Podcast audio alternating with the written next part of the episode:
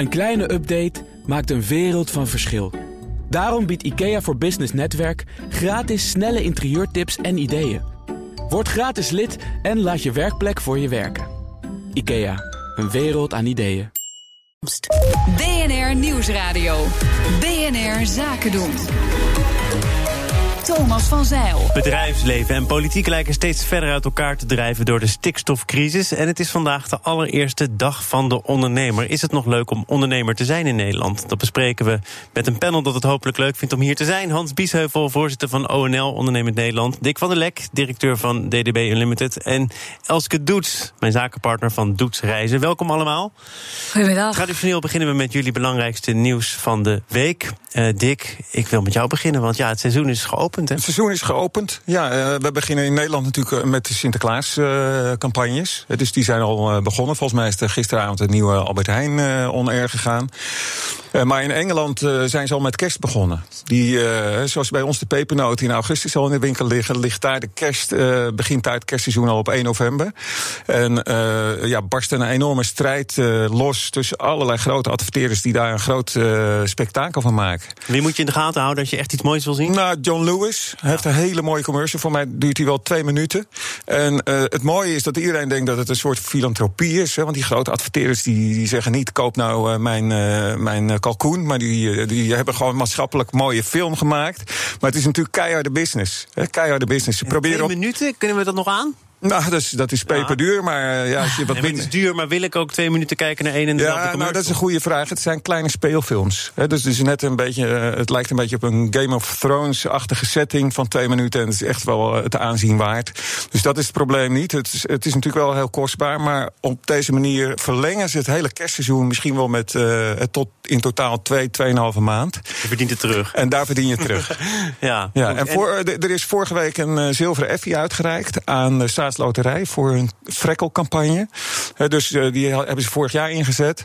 En dat is ook zo'n mooie kerstcampagne. En uh, ik heb toevallig gehoord dat er een, uh, een nieuwe op het programma staat. Dus ik ben heel benieuwd wanneer die komt. Heel slecht, ik kan me de vorige niet herinneren. Jullie wel? Hondje Frekkel.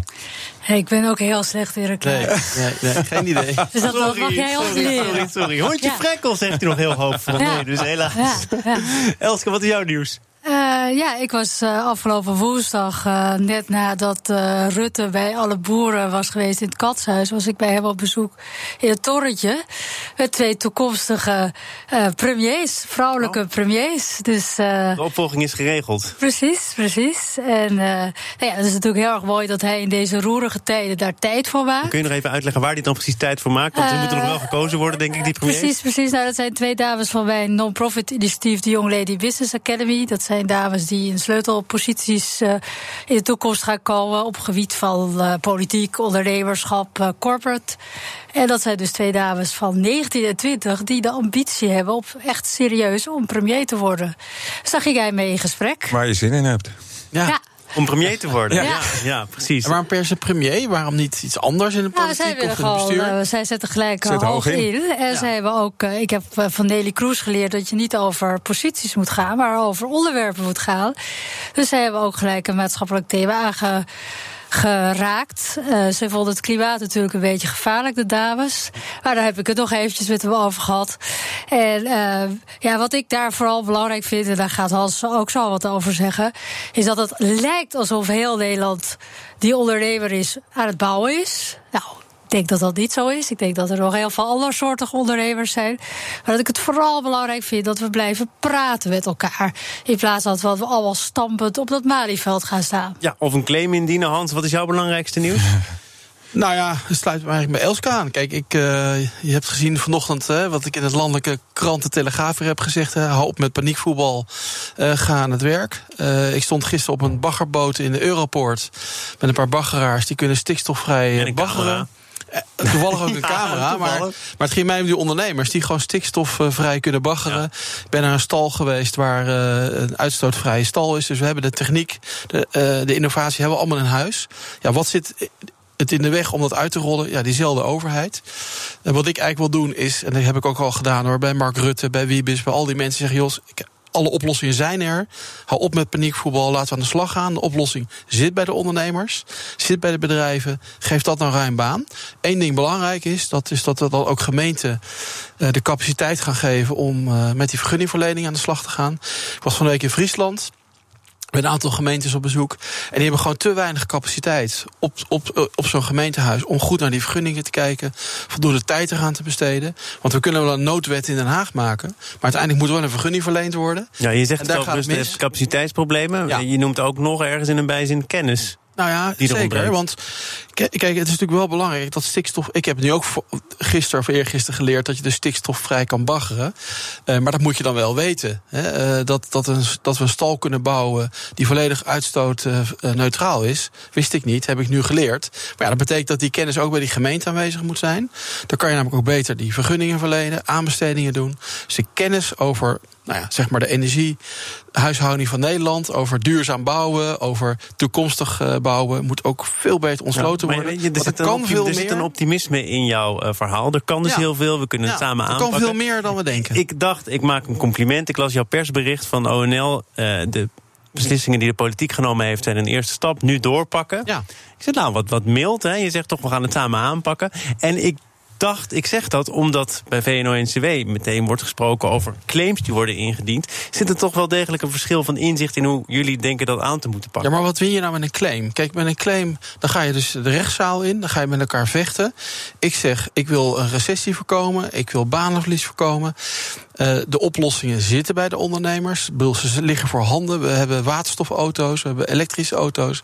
We kunnen nogmaals Allemaal niet op grote schaal, zijn hartstikke duur. Ja maar, ja, maar, maar, laten we de energie daarin steken. Om dat te ontsluiten, om te zorgen dat die ja, vind ik wel interessant. capaciteit krijgen. Ja, ik, ik dacht van kun je niet, hè, want het is, iedereen zit natuurlijk shock in klem ik heb vanochtend nog even eh, alle kranten gelezen en uh, ik, daar, daar, ik vind daar niet het, uh, het grote antwoord in.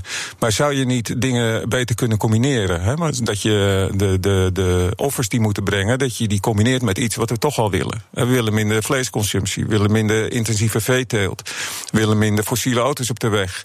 zou je niet dat beleid zeg maar kunnen, parallel kunnen combineren met het terugdringen van stikstof? Ja, maar dat, dan heb je iets leuks om naar uit te kijken in plaats van alleen maar offers brengen daar, pleit, ik voor. Kijk, we hebben bijvoorbeeld in Noord-Nederland... wekken we al meer zonne-energie op dan we op dit moment kwijt kunnen. Nou, ik ben bij een ondernemer geweest, die heeft een techniek ontwikkeld. We kunnen dat te veel zonne-energie wat we opgewekt hebben omzetten in waterstof. Nou, ik, ik sprak vorige week met Juri van Alteren, die ook was bij het panel. Die rijdt in een waterstofauto. Duurzaam bedrijfsleven. Duurzaam bedrijfsleven. Die kan maar op twee plekken in Nederland kan je tanken met je waterstofauto. Waarom kan dat niet door heel Nederland? Ik bedoel, en dat is nog schoner dan elektrisch rijden. Laten we het daarop inzetten. De kansen zijn er, de mogelijkheden zijn er. Ga in gesprek. Rechtszaken brengen helemaal niks. Elske. Ja, kijk, weet je. Uh, we zijn nu heel erg bezig met een situatie die vastgelopen is. Hè? En dat stikstofgebeuren, dat was al twee jaar geleden bekend. En er moet dus heel goed keuzes gemaakt worden door de overheid, vind ik. En er is pijn in dit land. Hè? Er is heel veel uh, landbouw, boeren die dingen produceren. 80% van alles wat, wij, wat doorheen geproduceerd wordt, wordt geëxporteerd. Dus daar moet je goed naar gaan kijken: van, is dat nog wel mogelijk? Maar op dit moment zit alles vast en wordt alles op emotie besloten. Ik mis veel te veel, of ik mis feiten. En worden er nu, ja, mind you, jij komt met allemaal soort quick fixes. Maar ik denk dat je meer structureel moet kijken.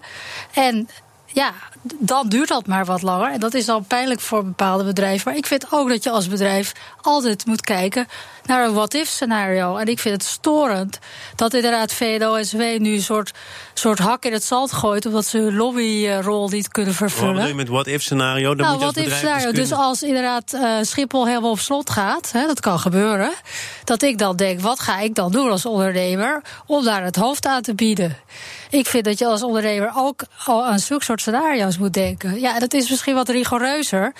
Maar uh, uh, uh, zachte heelweters maken stinkende, wonden. ik vind het dus, dus, nu allemaal een beetje, maar, maar, beetje, beetje te veel kleine puntjes worden opgeofferd. Maar is het niet te laat? Is het niet... Ik heb het niet over quick fixes. Hè. Ik heb het over het wagenpark volledig vernieuwen in Nederland. Hè. Ja, maar waterstof. ik heb een keer met Jeroen van der Veer gesproken van de Shell. Die zegt zinloos. Ja, maar, maar het is, die, die man weet ook wel waar je over praat. Maar, maar, maar Elske, het is, het is maar een voorbeeld. Hè. Ik, ja, het is een voorbeeld. Maar, we moeten nu kijken. Het klimaat gaat terugslaan als wij niet gewoon met actie komen. Maar, dan moet het wel op feiten gebaseerd zijn en niet op emoties. Helemaal mee eens. Daarom heb ik gisteren ook in ons persbericht gezet... meten is weten. Laten we beginnen met te meten. Dan weten we wat. Hè? Dan weten we wat de stikstofneerslag is. Maar wie gaat meten? Ga jij dan meten met ONL? Nee, ja, ik vind het gewoon, we hebben toch het RIVM, we hebben toch allemaal instellingen die kunnen toch meten, maar we meten het niet. Maar dat had toch, uh, Hans, dat had al, toch al veel eerder gedaan moeten zijn. Want je, je, had het over twee jaar, maar volgens mij is dit een, een situatie die misschien al twintig jaar uh, zich heeft opgebouwd. Ze hebben het gedoogd. En, uh, en we hebben een beetje gepolderd, gepapt en, ja. en, en, nat gehouden. En de werkelijke maatregelen eigenlijk niet doorgevoerd. He, want ja. op het moment dat je het in de kiem had aangepakt... dan had je met veel kleinere bewegingen had je het waarschijnlijk kunnen oplossen. En nu hebben we eigenlijk het probleem opgespaard ja. van een hele lange periode. En zitten met een, een, een enorme impasse. Ik ben met je eens. Ik heb gisteren ook in een speech gezegd... we hebben tien jaar lang een spelletje balletje balletje gedaan. Hè? Tien jaar lang weten we, tien jaar lang hebben we het balletje hè, in Den Haag... van die naar die naar die. Niemand wist wie er verantwoordelijk voor was. En nu zitten we met gebakken peren. Mijn stelling is alleen van, we hebben dat grote probleem. Ik was gisteren bij dat baggerschip. Er werkten twintig mensen, zitten alle twintig thuis. Hè? Dan kan je zeggen, ja, je moet als ondernemer je, je, je, je, je noodplan hebben... maar als je niet meer mag baggeren, ja, dan houd het even op. Die hadden al 8 miljoen verlies in twee maanden tijd. Nou, ga daar maar tegen op ondernemen is toch balletje balletje dus gespeeld om ondernemers nou- ook de ruimte te geven om te blijven ondernemen? Nee, er is balletje balletje gespeeld met het stikstofdossier. Dick heeft helemaal gelijk. We hebben er niks aan gedaan. We weten al tien jaar lang. We zijn blijven polderen en vergaderen. Mede onder leiding van VNO en CW. Maar ook om ervoor te zorgen dat boerenbedrijven gewoon een boerenbedrijf konden zijn. In weerwil van wat er misschien in Brussel werd besloten? Jawel, maar ondertussen zijn er ook heel veel ondernemers slim geweest. Want dat stikstofvrije baggeren, die uitstofvrije stal, die zijn ontwikkeld in de afgelopen paar jaar. Omdat die ondernemers wel dat stikstofprobleem zagen aankomen. En zeggen, nou, wij gaan anticiperen. Heel goed geweest. De politiek heeft niet gehandeld is balletje balletje blijven spelen met VNO en CW samen in Den Haag. En wij zitten nu als burgers en bedrijven met gebakken peren. Hoe kan het zijn dat een baggerschip met uh, wat uh, CO2 of uh, stikstofvrij produceert, dat die dan niet aan de slag mag? Dan hebben we al geen tijd meer over en dan ga je ook nog vragen stellen. Ik vind al heel wat dat we 10 minuten over stikstof hebben gesproken zonder de maximumsnelheid te benoemen. BNR Nieuwsradio. BNR Zaken doen. De gast is het ondernemerspanel, bestaande uit Hans Biesheuvel van ONL Ondernemend Nederland, Dick van der Lek van DDB Unlimited en Elske Doets, mijn zakenpartner van Doets Reizen. We hebben het net gehad over boze boeren, over eh, boze bouwers, maar ook de winkeliers zijn boos en niet zozeer vanwege een stikstofprobleem, maar een optelsom aan regels en verplichtingen. Eerder deze week was Jan Meerman van In Retail te gast in dit programma. En hij zei: Wij gaan nu ook actie voeren. We kunnen geen kant meer op. We zitten hartstikke vast. Um, snap jij dat? Maar ik vond het eerlijk gezegd een beetje krokodillentranen. Kijk, de, uh, alle branches die worden gedisrupt, ook de retailbranche. En uh, er is tijd genoeg om je daarop te herstellen. En uh, als je maar eerlijk naar jezelf bent en telkens je jezelf weer een beetje aanpast. Ik zie dat heel veel retail dat niet heeft gedaan.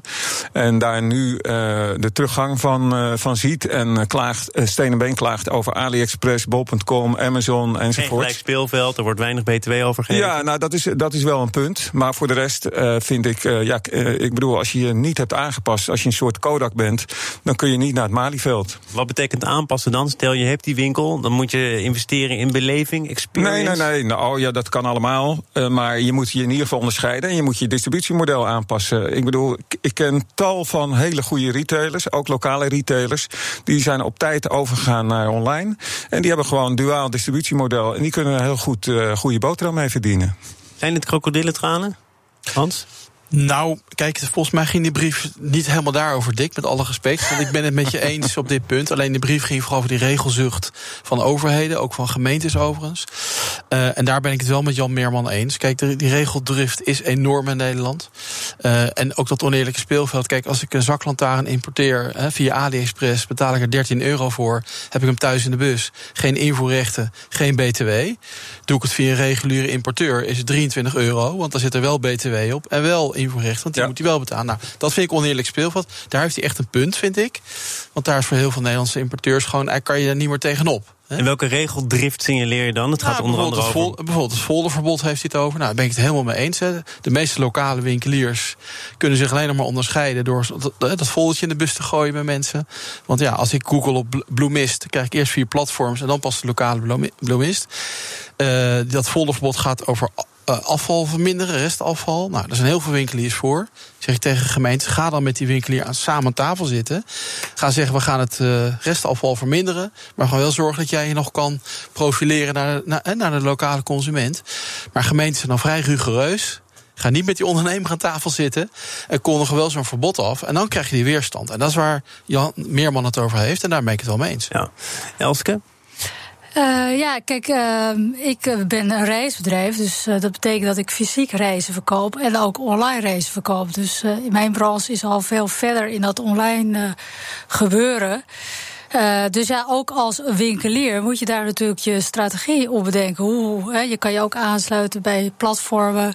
Bijvoorbeeld bij kleding heb je winkelstraat.nl. Ja, en als je dan kijkt naar het folderverbod. Ja, ik ben nogal uh, getriggerd door duurzaamheid. Ik vind dat je als, als winkelier moet je zorgen dat je een bestand hebt van klanten aan wie je dus gericht berichten kan sturen. Dat kan ook digitaal. En ik vind folderen vind ik niet meer van deze tijd. Dat vind ik niet goed voor het milieu. Nee, en er zijn uh, zoveel alternatieven. Ik bedoel, er zijn bedrijven die hebben keurige digitale folders. En er zijn gemeentes die uh, instructie geven aan lokale retailers hoe je online kan profileren. Maar je moet het wel willen en je moet uh, jezelf ook uitdagen om, om, om je continu weer te vernieuwen. Je kan niet denken dat. ik snap het, maar ik, weet je, ik, ik, spreek niet zozeer uit voor of tegen folder. Het gaat mij meer om dat je. We willen allemaal lokale winkels. En tegelijkertijd nemen we dan maatregelen zonder met die lokale ondernemer in gesprek te gaan. Want ik ben op heel veel plekken op bezoek gegaan. En de meeste ondernemers zeggen wat jij zegt, Elske. Ik wil ook meewerken om dat restafval te verminderen. Maar tegelijkertijd willen we wel de kans hebben om lokaal in die buurt nog een beetje te onderscheiden. Maar als we alle lokale winkels willen, nee, maar waarom dat is mijn en dat die technieken, die technieken die zijn, die, die, die helpen de lokale retailer meer dan ooit. Hè? Je kunt zo makkelijk, eh, want digitaal adverteren is het allergoedkoopste wat er is. Want je kunt op je eigen postcodegebied, of je kan uh, in een ring van vijf kilometer om je heen, je kan uh, op leeftijd ja. kan je segmenteren. Maar dus zorg dat je, dat je jezelf bekwaamt daarin. En dan nou, ben je nou willen deze ondernemers ook toch hun standpunt duidelijk maken. Er was een reclamebureau. Was jij het? Dat gesuggereerd om met een gouden middelvinger vooral de aandacht te trekken. Hele grote gouden middelvingers of wat kleinere. Uh, om in ieder geval een duidelijk statement te maken. Ook als je geen tractor hebt of andere uh, grote apparaten. Uh, hoe moeten zij er nou voor zorgen dat ze gehoord worden door Den Haag? Ja, ik ben bang. Ik bedoel, ik eh, zit in de communicatie- en marketingindustrie. Die heeft het ook heel moeilijk. Nou, gaan we, dan gaan wij volgende week ook naar het Binnenhof. Ik vind het een beetje overdreven. Laten we het een beetje. Nee, maar even afgezien daarvan. Elkaar stel dat je inderdaad duidelijk wil maken wat je probleem is, wat je standpunt is. Moet je daar dan een campagne tegen aangooien of niet? Nou, ik denk dat dat zo, zo weinig zin heeft. En zeker op dit moment denk ik dat je niet door de urgentie van, van de grote problemen heen komt. Nee, dat is waar. En, het is een heel slecht moment. waar, ik, waar ik het wel met Dick eens ben, kijk, je moet als ondernemer natuurlijk gewoon echt blijven ondernemen. Ik heb altijd van, gedacht, ik moet voor good naar great. Het is nooit goed genoeg, je moet altijd beter. Waar zit je nu?